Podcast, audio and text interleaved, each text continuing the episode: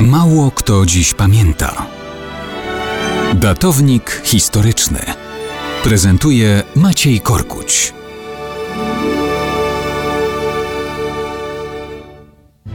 Dzisiaj Dzień Kobiet. Hmm.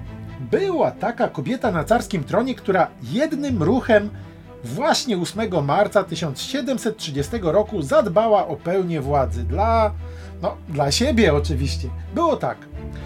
W styczniu 1730 roku umiera na ospę car Piotr II, nastolatek, wnuk Piotra I, na którym definitywnie wygasła męska linia dynastii Romanowów. Członkowie tajnej rady zastanawiają się, jak obsadzić tron, zapewniając sobie nie tylko wpływy, ale i realną władzę.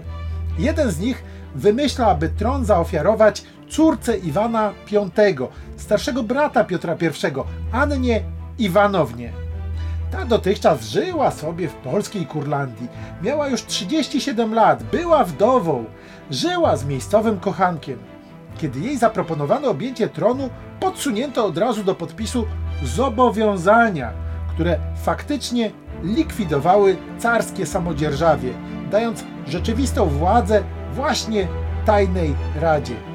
W tych tak zwanych kondycjach miała zobowiązać się na zawsze utrzymać tajną radę. Bez jej zgody nie decydować o wojnie ani o pokoju, nie nakładać nowych podatków, bez wyroku sądu nie odbierać szlachcie życia ani majątku.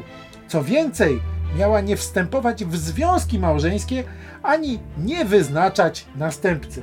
Podpisuje wszystko. Koniec władzy absolutnej w Rosji? Koniec? W końcu lutego Anna przybywa do Moskwy. 3 marca odbiera przysięgę od wojska i szlachty na wierność jej właśnie. Następnie stawia wojsko w stan gotowości. 8 marca organizuje oficjalną audiencję dla wszystkich urzędników. Tam umówiony wcześniej dygnitarz Andrzej Czerkaski oficjalnie prosi o przywrócenie samodzierżawia.